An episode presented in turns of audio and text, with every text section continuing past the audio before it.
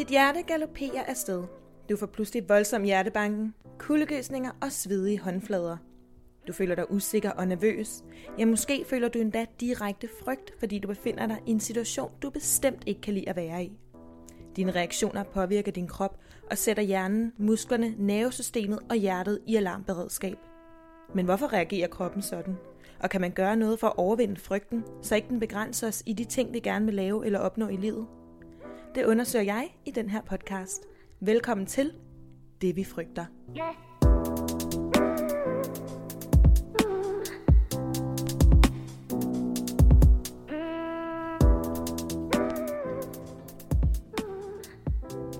Hej derude, og velkommen tilbage til endnu et afsnit af Det vi frygter. Jeg er rejst til Dubai, og øhm, her om et par timer, det er morgen lige nu i øvrigt, og jeg står lige og laver lidt morgenmad, imens jeg lige præsenterer dagens emne. Men øh, ja, her om et par timer, der skal jeg mødes med Mads, som øh, er general manager, eller direktør, for et af Dubais mest omtalte hoteller i 2022.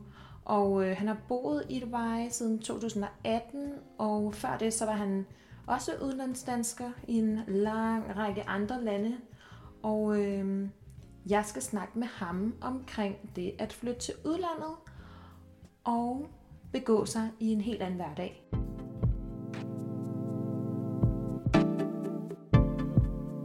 Jeg tror lige meget, om man flytter til Sverige, eller Singapore, eller USA, eller wherever, så er det Øh, ret angstprovokerende at flytte til udlandet, fordi tingene bare fungerer anderledes. Øhm, det er jo både omgivelserne, der er nye sproget, måske klimaet, dog for mit vedkommende, så var det meget svært at, i hvert fald at tilpasse mig ind i en anden kultur. Til folk, der ikke lige kender mig privat, så øhm, ved jeg godt selv, hvordan det er at flytte til udlandet, fordi jeg selv øhm, flyttede til Dubai, da jeg var 21 og boede her i næsten fire år. Så jeg kan godt huske, hvor bange jeg selv var, da jeg flyttede væk fra Danmark og skulle vende mig til både sådan at skabe et privatliv, men også hvordan det var at være på en arbejdsplads øhm, i, et, i et land, der var så anderledes. Øhm, men i hvert fald, jeg gad rigtig godt snakke med Mads om, øh, om de udfordringer, som han måske har oplevet, eller i hvert fald om det har været svært for ham at give op øh, på sit hjemland og ligesom drage til udlandet for at udleve sine drømme i forhold til arbejde og karriere og hvad han eventuelt har måttet opgive for at, for at flytte til udlandet. Så ja, jeg vil lige gøre mig klar her, når jeg har spist min morgenmad, og så skal jeg afsted og snakke med Mads. Og øh, jeg glæder mig rigtig meget til at møde ham. Jeg kender ham ikke. Så øh, spændende dag.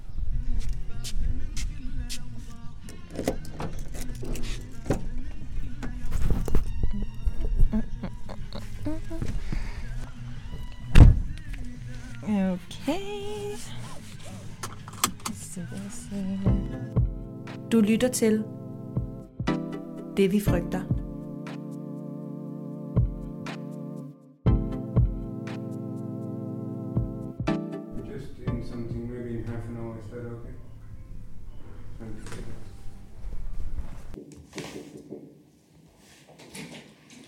Barbara, Hi, Mars. you're well? Yeah. Hi, Mars. Good afternoon. Hi, how are you? Hi, thank you. How are you today? I'm good, thank you so much. Thank you for the Thank water. you so much. You're welcome.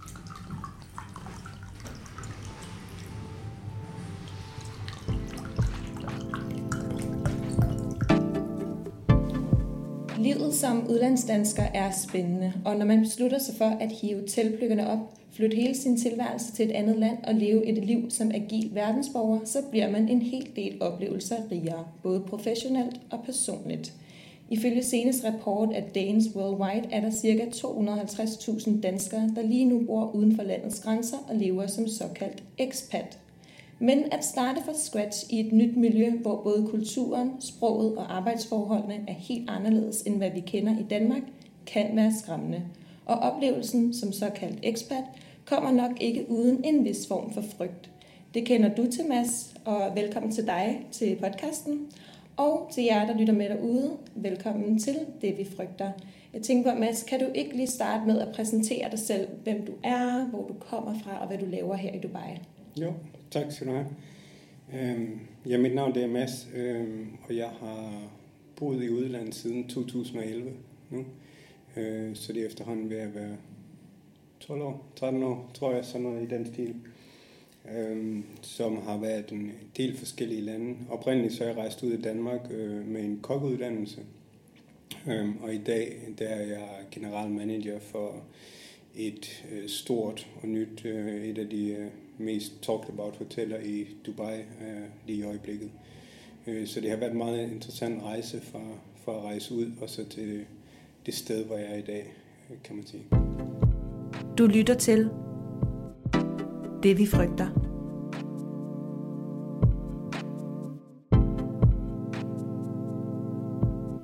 Men øhm, kan du ikke starte med at fortælle lidt om tilbage i 2011, da du besluttede dig for at rejse til udlandet? Hvor, hvorfor var det, at du lige skulle til? Og det var Japan, du rejste til for første Japan, gang. Japan var det første destination.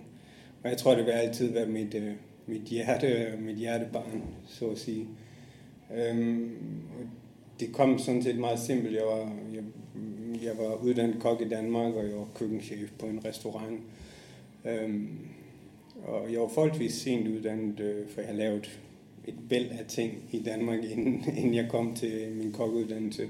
Så jeg tror, jeg var omkring 28, 29, sådan noget i den tid, øh, inden jeg tog afsted. 28, 7, 28 må det være, som Ja. jeg husker. Øhm, og, og så, du ved, man tænker, eller jeg tænkte ved mig selv, altså, at det, det er det, jeg skal lave resten af min tid. Altså, nu er jeg i Danmark, og nu har jeg nået det her. Men hvad kommer der til at ske fra nu af? Øhm, og så fik jeg et rigtig interessant opkald fra, jeg vil ikke sige min mentor, øhm, som jeg uddannet under som kok i, i Danmark. Øhm, og han sagde, at der var en mulighed for at komme til Japan øhm, som kok, og der var, han havde fået opgaven at lede efter et eller andet i Danmark, du kunne være interesseret i at tage til Japan og øh, præsentere skandinavisk, nordisk mad og kultur i Japan. Øhm, og det sagde jeg sådan set bare ja til over telefonen. Og Uden at overveje det. Uden at tøve. Ja, der var bare ikke så meget. Altså, det var bare selvfølgelig ved det, og så var der nogle interviewprocesser, og man Mm. mm. skulle igennem og sådan noget. Og fire måneder efter, så sad jeg i et fly på vej mod Japan, øh, som... Øh, og igen, Japan, det er så anderledes. Det lige meget, hvad du forestiller, hvad du tror, alt det, det du får benene sparket væk under dig, og der er meget få, der taler engelsk, øhm, og så især min første lokation i Japan var Hiroshima, øhm, hvor, hvor der, er ikke, der er ikke mange udlændinge, og der er ikke mange, der taler engelsk. Du, du starter helt forfra og på bar bund, øhm, men det er også det, der gør det interessant. Og så hver gang du flytter destination efter det, så bliver du på en eller anden måde bedre til det. Altså du forstår, hvad det vil sige at starte fra ny, og du forstår, hvad det vil sige at skulle adapte dig ind Mm. til kultur. Øhm, Ja, for du har flyttet ret mange gange efter Japan, ikke? Japan var min første destination, øhm, og så gik den fra Japan til Maldiverne, og fra Maldiverne til Katar, og fra Katar til Bali, Indonesien, hvor jeg også var i to år, og så var jeg i Dubai og Saudi øh, efter det. Ja. Så det har trods alt været et, været et par gange, hvor jeg er flyttet omkring og har set noget nyt og oplevet noget nyt og startet fra ny og Mm. lært en ny kultur og lært nye sprog og ny tilgang til, mm. til Mm. projekter.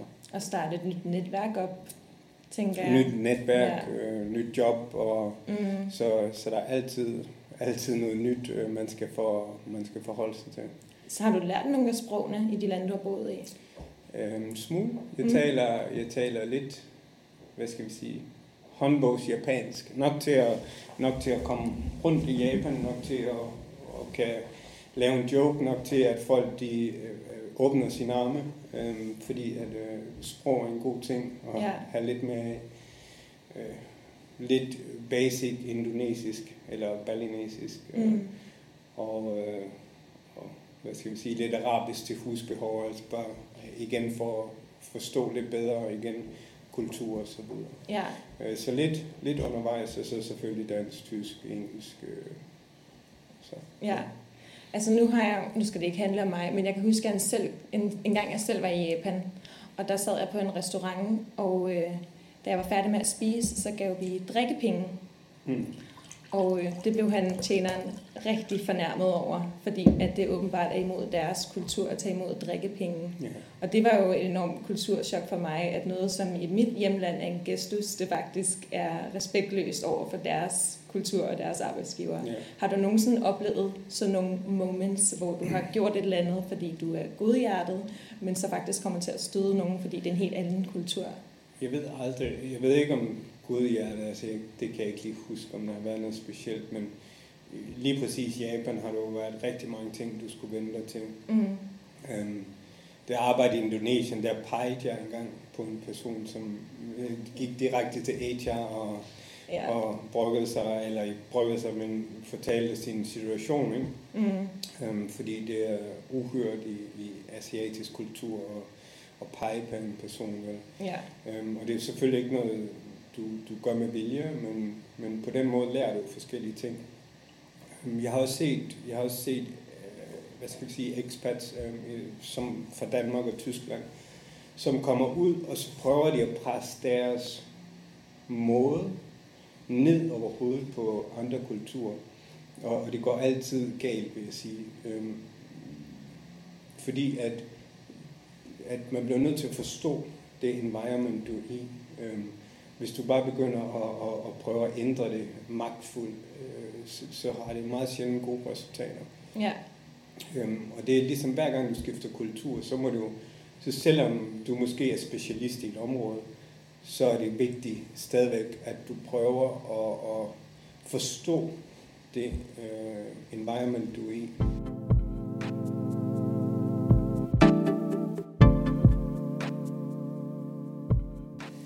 Med hensyn til dit privatliv, er du gift? Har du børn? Eller er det bare dig? Jeg har børn om en uge eller to. Nej, er det rigtigt? Ja, Så okay, så du har en hustru, der, der simpelthen er højgravid? hun er meget højgravid, og vi venter tvillinger inden for de Nej. næste par uger. Ej, er det rigtigt? Er det piger eller drenge? Drenge, to drenge. Enægget? Nej, Nej. så de kan se forskellige ud. De kan Ja. også se ens ud, det ikke. Grunden til, jeg er sådan lidt nysgerrig på tvillinger, det er, fordi jeg selv er tvilling. Ja. Jeg har en enægget tvilling. Nå, okay, og er hun, øh, din hustru, er hun fra Danmark? Nej, hun er fra Nigeria Mm. Og hvor har du mødt hende henne? i Dubai. I Dubai. I Dubai. Ja. Føler du så, at du har at du har skulle øh, ofre noget privat i forhold til dit arbejde? Øhm, jeg ved ikke, om ofre er det rigtige ord, men, men, men ja, øhm, du har jo, når du rejser ud i verden og er væk fra, så kommer du ikke til at opleve alles fødselsdage eller begravelser, bryllupper. Øh, det er rigtig mange ting, som du vælger fra, kan man sige. Øhm, og jeg vil også sige, at, at selvfølgelig du har ikke øh, 100 venner i Danmark. Øhm, jeg har ikke brug for at have 100 venner. Øhm, men jeg vil sige, dem så, som du har været tætte med, og stadigvæk er tætte med, de er blevet endnu bedre venner. Øhm, og dem, som ikke er omkring længere, øh, nok fordi de ikke behøver at være omkring, vil jeg sige. Øhm, så jeg har rigtig, rigtig tætte relationer med et par øh, mennesker i Danmark, eller et par med rigtig gode venner, øhm, og forhold til dem, øhm, som jeg tror, der altid vil være der. Og så har du jo bare en masse relationer rundt omkring i verden, fra, fra Japan til øh, Asia, Middle East og, og alle mulige steder, hvor der kommer møde mennesker. Øh, så det gør jo bare, du får jo bare relationer andre steder end, end, end kun i Danmark. Og der er jo ikke nogen, der er ikke nogen grund til, at du skal have det bedre med en dansker, end du skulle have det med en, Nej. en araber. Men føler fra du- Egypten. Øh, Føler du, du har et godt netværk her?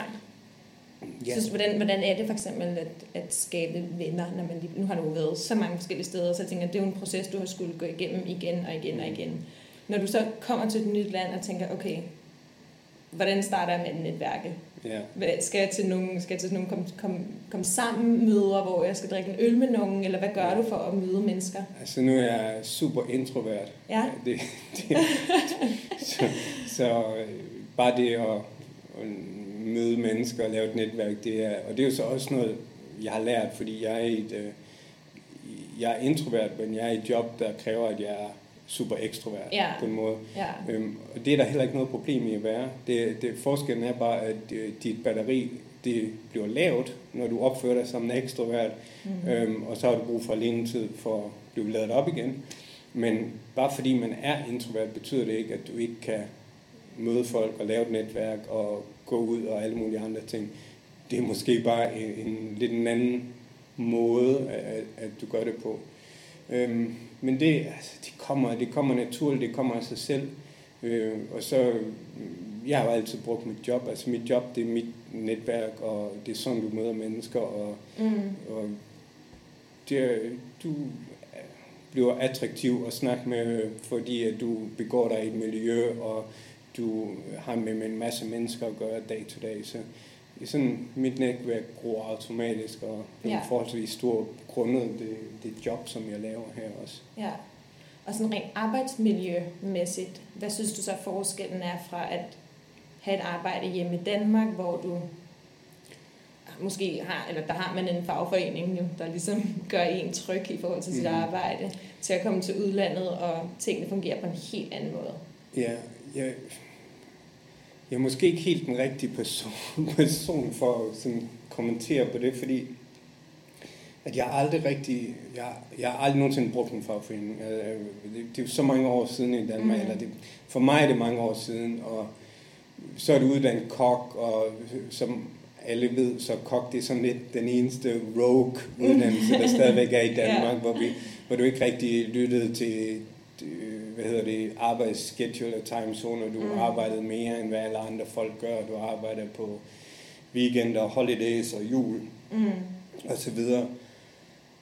Øhm, så, så jeg, jeg føler mig aldrig rigtig bundet op af det, og jeg har lavet så mange forskellige ting Mm. øh, i Danmark inden, øh, altså bare små arbejder rundt omkring, og prøvet alle mulige forskellige ting af, så det har aldrig været sådan en, jeg har aldrig tænkt, at jeg skulle have en eller anden backup øh, plan, som der skulle være, som der skulle gribe mig.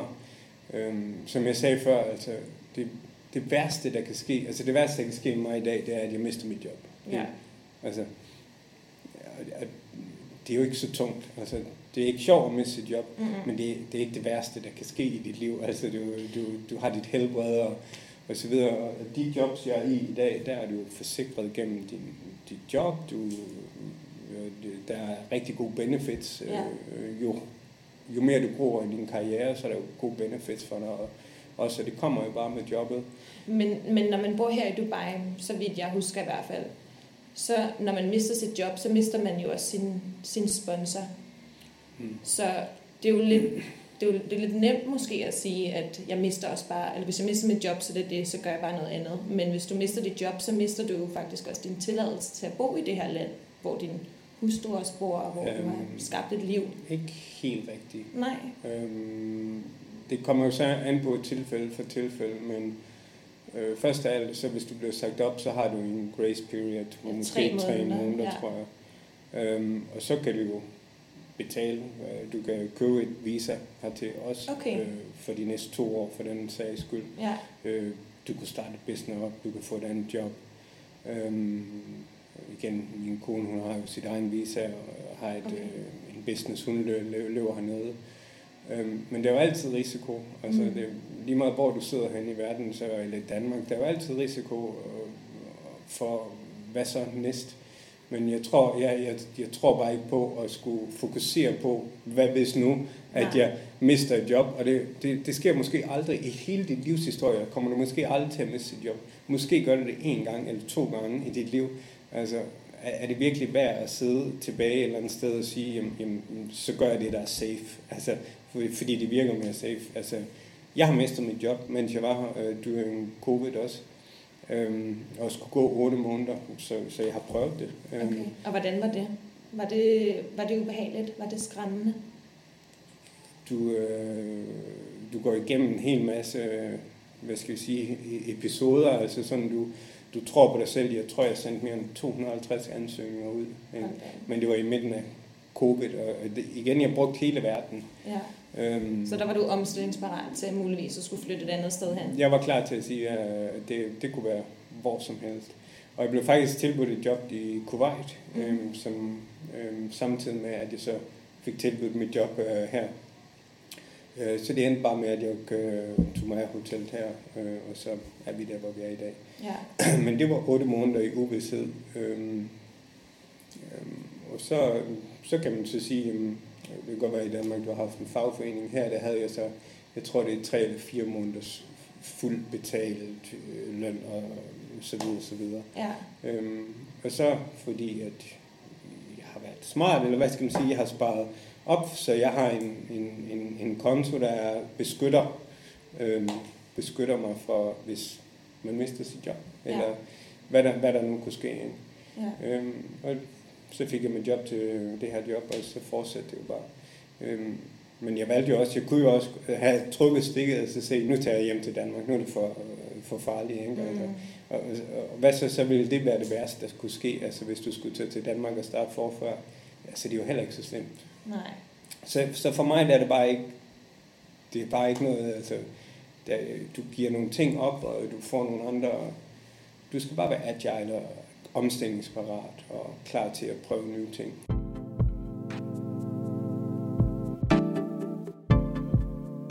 Hvad har du lært ved at bo uden for Danmark? Øhm, tale med mennesker, forstå øh, kultur, altså, jeg tror livsuddannelse, øh, som du lærer ved at være omkring mennesker, der er dygtigere end dig, smartere end dig, øh, Føler du, man kan lære, hvis man flytter til udlandet, føler du så, at man kan lære noget, som man ikke kan lære derhjemme? 100 procent. Ja. Ja. 100 procent. Fordi at, jeg tror, vi i, det er ikke kun i Danmark, det er generelt i mange samfund, øh, er vi en smule begrænset af vores environment. Mm. Øhm, se, jeg kommer fra Esbjerg, øhm, og det er jo en dejlig sted øh, med smuk natur på. Men alle der, der, der kommer meget lidt udenfra, og det, og det, det kan du endda sige om Danmark. Altså, den medie, vi får, det, det er et meget lille indblik i hele verden. Øhm, og jeg tror, jeg, jeg synes, alle burde bo udlands i fem år. Mm. Øhm, fordi det giver en forståelse af verden, det giver en forståelse af, når vi ser fattigdom, så ser vi det på tv, når vi ser krig, så ser vi det på tv, øh, eller i, i nyheder, som er meget limited øh, i, i, hvad de dækker. Øh, og det giver en meget ensidig, det giver en meget simpel blik på alle de ting, der foregår. Øh, det er en anden ting at stå et fattigt sted i Indonesien, Nepal eller Indien og se rigtig fattigdom, Mm. mm. eller se på folk, der lider videre. Øhm, og, og, og du, når du er surrounded med folk, som har oplevet ting fra hele verden af, så kan du kun gro, øh, frem for at være surrounded med folk, som der kommer fra det samme sted som dig, har en lignende uddannelse eller en lignende opvækst. Og det er ikke noget dårligt om Danmark, men vi har det bare godt. Vi har det generelt godt, og de problemer, vi har, er generelt små problemer, når du ser det i det større perspektiv. Mm. Øhm, og, og, og så er det bare begrænset for, hvor meget input du får, øh, når det er vores verden. Øhm, du lærer ved at få input, og jo større de input er, og jo bredere de input er, jo mere lærer du. Ja. Hvis du så skulle flytte hjem til Danmark her i morgen, for eksempel, hvilke værdier vil du så tage med dig? Jeg tror, det er svært at forestille sig at flytte hjem efter. Nogle gange har jeg en romantisk fantasi. Mm. At det siger, at det ville være dejligt, at jeg kunne se mig selv bo i København, og det ville være dejligt at cykle øh, Ja. ind i København, og øh, jeg, jeg, jeg, jeg synes, København er en helt fantastisk by. Jeg synes, Aarhus er en helt fantastisk by. Jeg var både i mange år. Øhm, værdier er nok, øh, igen, det er omkring mennesker og kultur, og breder dem øh, på mennesker, øh, som du har mødt. Øh, og så det med at være, tilpasse og være åben for, for mange ting. Jeg tror, det er sådan nogle ting. Ja.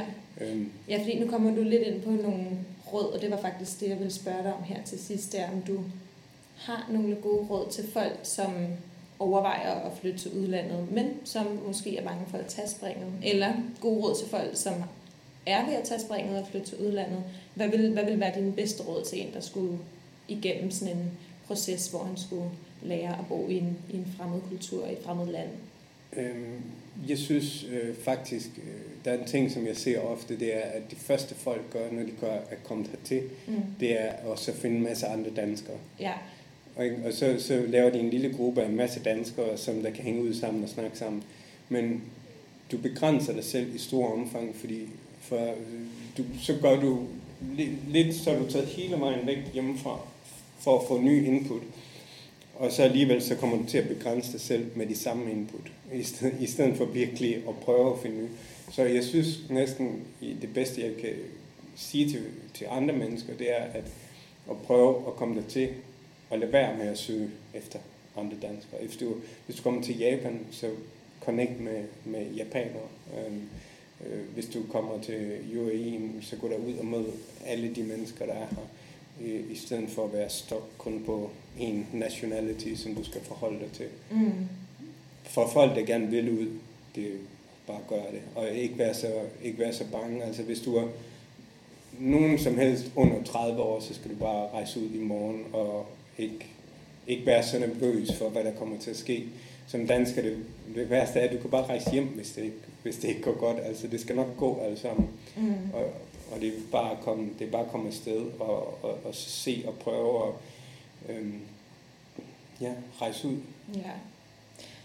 Og som jeg også sagde, det vi snakkede her, inden jeg begyndte at optage, noget jeg selv personligt har haft helt vildt svært ved ved at flytte til udlandet og flytte hjem igen, det er det her med, at jeg har enormt svært ved at øhm, finde ud af, hvor jeg egentlig hører til, og hvad der er mit hjem. Jeg har enormt svært ved at sådan, altså når jeg er i Danmark, så savner jeg for eksempel Dubai, og når jeg er i Dubai, så savner jeg for eksempel Danmark, og jeg tror et eller andet sted egentlig, at jeg altid vil have det sådan. Mm.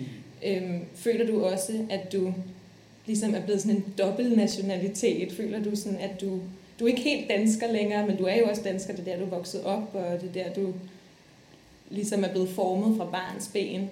Ja. Føler du dig også lidt splittet? Øhm, altså, jeg tror, jeg er ved at være kommet, eller jeg er kommet til en realization, at, at jeg, jeg tror aldrig, jeg kommer til at bo i Danmark igen. Nej. Øh, Og det er også en del af, altså min kone er fra Nigeria, vores øh, børn, øh, hvor skal de vokse op henne, øh, og de, de bliver internationale børn. Øh, og, og det har jeg det rigtig godt med. Jeg Ja. har det rigtig godt med, at vores verden kommer ikke til at være begrænset af en bestemt des- des- destination. Øh, hun er fra Nigeria, og det, kommer, det er hendes hjem. Danmark har været mit hjem, øh, men Japan har også været mit hjem. Mm. Øh, og Bali og alle mulige andre dejlige steder. Ja. Øhm, og jeg tror bare, at det hjem, det er der, hvor jeg er nu. Det er ikke engang, øh, som du siger, at du føler, at sådan, det er to forskellige steder. Hjem, det, det bliver så hurtigt hjem nu, hvor end så du er. Fordi Mhm. at du har prøvet det mange gange at flytte til et nyt sted og være et nyt sted. Og, og så bliver det hjem. Øh, Det bliver hjem, hvor, du har det godt, og du lærer have det godt Mhm. på alle de her forskellige måder. Mm. Øhm, og jeg tror, du får nogle gode values af det, og, og, og, og forstår, hvad, hvordan har du det godt, hvad skal du bruge for, for at have det godt. Ja. I, I de mange, mange første år, hvor jeg rejste omkring, var det bare to sportstasker og, Ja. og dig selv. Så du købte nyt tøj, fordi hvad, hvad, hvad, hvad tøj? Altså du tager det Mm. med dig, og så rejser du med det, sådan, så jeg kommer til et nyt sted, og så købte jeg det tøj, der nu passede til den environment, destination. Altså, Mm. i Japan skal du gå med suits. Bagefter er det Maldiverne, ikke? hvor du har ikke andet end shorts og t-shirt. Ja. Jeg husker, at jeg rejste hjem fra, fra Maldiverne til Danmark. Jeg havde to tasker med mig, og jeg ejede ikke andet end t-shirts og shorts. Jeg kom i sandaler i oktober måned til, til, til Danmark, og folk de kigger på det og siger, "Jeg ved godt, det er vinter. Ja. Ved det godt, men det er, hvad jeg ejer i dag. Ja. Øh, og- sådan var det i mange år, så Mm. selvfølgelig nu øh, og med familie, så Mm. har du lidt flere ting. Øh, men det har været en, det har været en rigtig sjov oplevelse. Ja. Men med hensyn til så at føle sig hjemme, hvor end man ligesom er i verden, så tror jeg i hvert fald også, at det handler om, at man skal kunne hvile ret meget i sit eget selskab og i sig selv, og stole på sin, sin egen fornemmelse af, hvor man befinder sig, og ligesom mærke efter i sin mavefornemmelse. Det har jeg i hvert fald selv erfaret, at jeg har ligesom skulle skabe hjem within myself, Mm. for ligesom at føle mig hjemme, hvor end jeg nu lige befinder mig i verden. Er det noget, du kan ikke genkende det til? Jeg, jeg tror, som du siger, mavefornemmelse, eller hvad du gerne vil kalde den fornemmelse. Øh, Men det er, man skal have en eller anden form for is i maven. Ja. Øhm, Og, og, Ja, præcis. og så skal du stole på processen. Stole på, jeg bruger meget det her term altså, i mange ting. Øhm, Og det kommer også lidt fra, at jeg er øh, maratonløber og ultra øh, distance runner. Mm. Øhm, og, og når du træner op til sådan nogle proces, så et løb her, så skal du stole på processen, som er din, som er din træning. Øhm, og det, kan, det, din træning tager 8 måneder, 10 måneder måske, og det er meget svært at se, at, at du bliver bedre øh, og sådan noget, men, men du skal stole på den her træningperiode, der er sat op øh, foran dig, og, og, og det hele kommer til, at- det hele skal virke, og det hele kommer til at virke, men det er den her proces, du går igennem. Og, og, og det skal du også stole, du skal stole nok på dig selv til at vide, hvad, hvad der sker, jamen så, så har du, Ja. du er okay, altså du, du skal nok have styr på det. Ja. Øhm, og så kommer du til at gå igennem nogle stressperioder. Det kunne være med sit job, eller det kan være, når jobbet ikke går, som det skal, eller du begynder at føle dig ensom, og, og, og så skal du kigge ind af, hvad, hvad, hvad, er det, hvad, hvad er det lige, der mangler, eller hvorfor bliver jeg vred, eller hvorfor bliver jeg opsat, eller hvorfor er jeg, hvorfor er jeg træt, hvorfor er jeg ked af det, hvad end så der sker. Øhm, så du, du lærer jo også en hel masse ting om dig selv i, i, i alle det her environment. Ja. Øhm, og du kommer nok til at kende dig selv bedre end de, de langt de fleste mennesker, fordi at du har jo bare ikke, du bliver lidt slået væk, som vi snakkede om igennem, du får benene slået væk under dig, og så skal du selv starte, og der er ikke, der er ikke lige en, du bare lige skal, det gider lytte på, eller kan lytte på, hvad, hvad du nu har at sige i dag, du skal, man bliver sådan lidt selvstændig på en måde, og, Mm. og lærer en, en masse ting om sig selv, som jeg tror er en rigtig positiv ting. Ja. Og med den kloge bemærkning, så vil jeg sige uh, tak, Mads, fordi du havde lyst til lige at uh, medvirke i dette podcast-afsnit, der handlede om, hvordan det er at flytte til udlandet og være udlandsdansker. Tusind tak, fordi du havde lyst til at være med. Selv tak. Du lytter til Det vi frygter.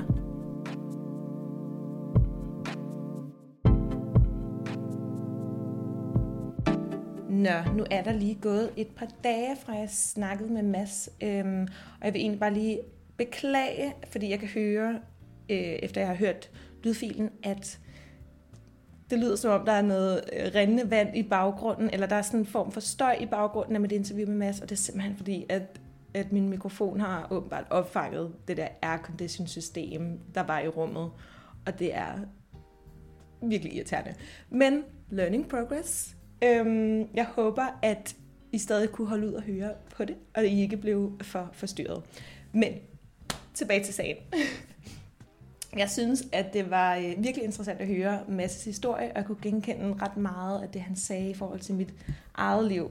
Jeg synes til gengæld, det er ret vildt, at han har flyttet så mange gange rundt, og så endda på flere forskellige kontinenter, og sådan gentagende gange har skulle starte fra bunden med at møde nye mennesker, og etablere et netværk, og skabe et hjem for sig selv, og lære en ny kultur at kende, og selvfølgelig også starte på en ny arbejdsplads med nye mennesker og kollegaer, og hvor tingene og arbejdsprocedurerne nok har været anderledes end fra det, han måske har været vant til før.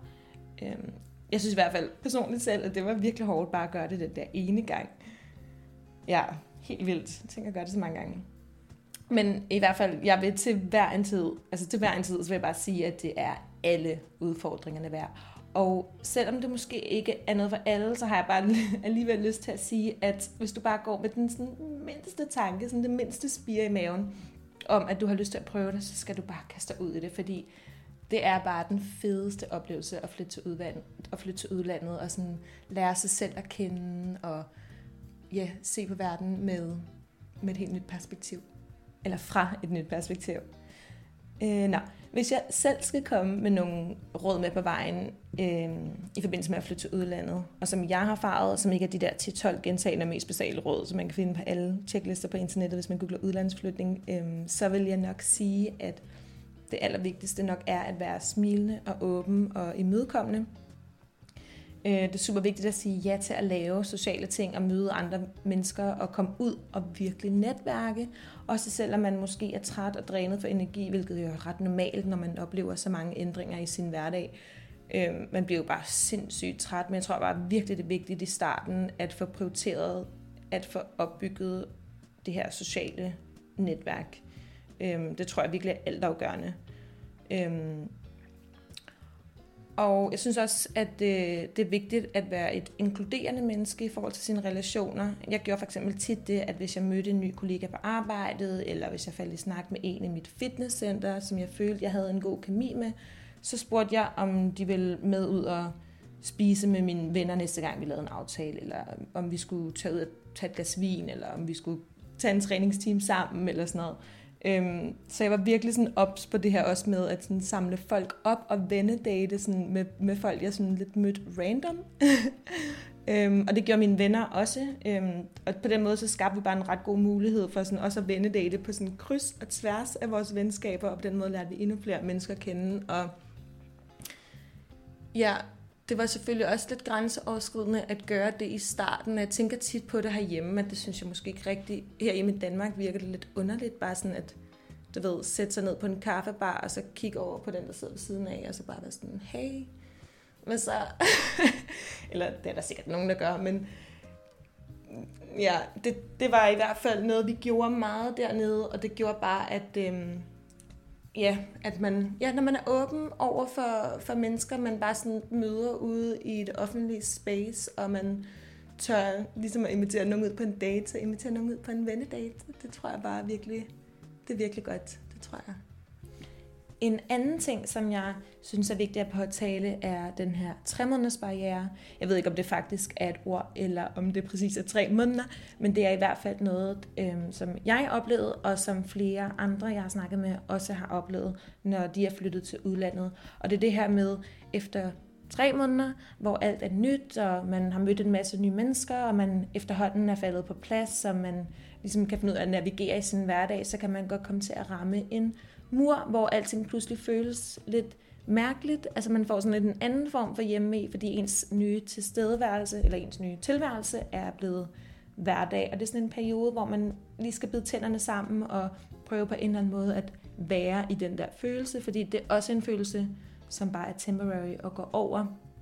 Men jeg tror bare, det er vigtigt lige at i talsæt, at det også er helt naturligt, at man bliver ramt af sådan lidt en underlig følelse, når man har boet i udlandet et par måneder og er kommet ind i den her hverdag med faste rammer og rutiner, at det så lige pludselig føles sådan lidt, hvad nu-agtigt. Man skal også være indstillet på, at man godt kan blive ramt af skydfølelse og FOMO, Fear of Missing Out, over ikke at kunne deltage i forskellige begivenheder derhjemme. Livet går jo ligesom videre i Danmark, selvom du er flyttet til udlandet, og der kommer bare til at ske en masse spændende ting, som du ikke kan være en del af. Jeg var for eksempel ikke hjemme til juleaften fire år i streg, og hvert år havde jeg ondt i maven, når jeg skulle fortælle mine forældre, at jeg ikke igen igen kom hjem til jul. Øhm, så du kommer med garanti til at gå glip af en masse, og kun kunne følge med i udvalgte øjeblikke på de sociale medier.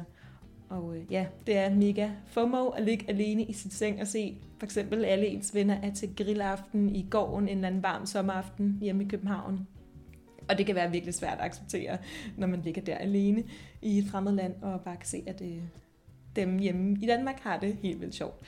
Men til gengæld, så får du alle de andre spændende og fantastiske oplevelser med dig, øh, som sker der, hvor du nu engang har bosat dig. Så ja, hvis du går med tanken om at flytte til udlandet, eller skal til at flytte til udlandet, øhm, så håber jeg, at øh, du fik et lille indblik øh, i min og Masses historie, og at du måske har fået lidt mere blod på tanden i forhold til at træffe beslutninger om at flytte til udlandet, hvis det var noget, du gik og overvejede. Øhm, jeg vil i hvert fald bare sige, og det tror jeg også, at hvis Mads som sad her til at afrunde øhm, den her lille øh, podcast-afsnit, så tror jeg bare, at øh, du skal kaste dig ud i det, og ja, have is i maven, tag springet, gør det, gør det, gør det. Lige så skræmmende det er, lige så fedt er det. Øhm, og heldigvis, hvis du ikke bryder dig om det, kan du altid rejse hjem igen. Men det er i hvert fald en rigtig fed oplevelse at prøve at bo i udlandet. Det tror jeg var de ord, jeg selv vil bidrage med. Og øh, så vil jeg egentlig bare afslutte med at sige, tak fordi I lyttede med til endnu et afsnit af Det Vi Frygter. Jeg glæder mig rigtig meget til, at vi høres ved igen i næste afsnit. Hi! Hi.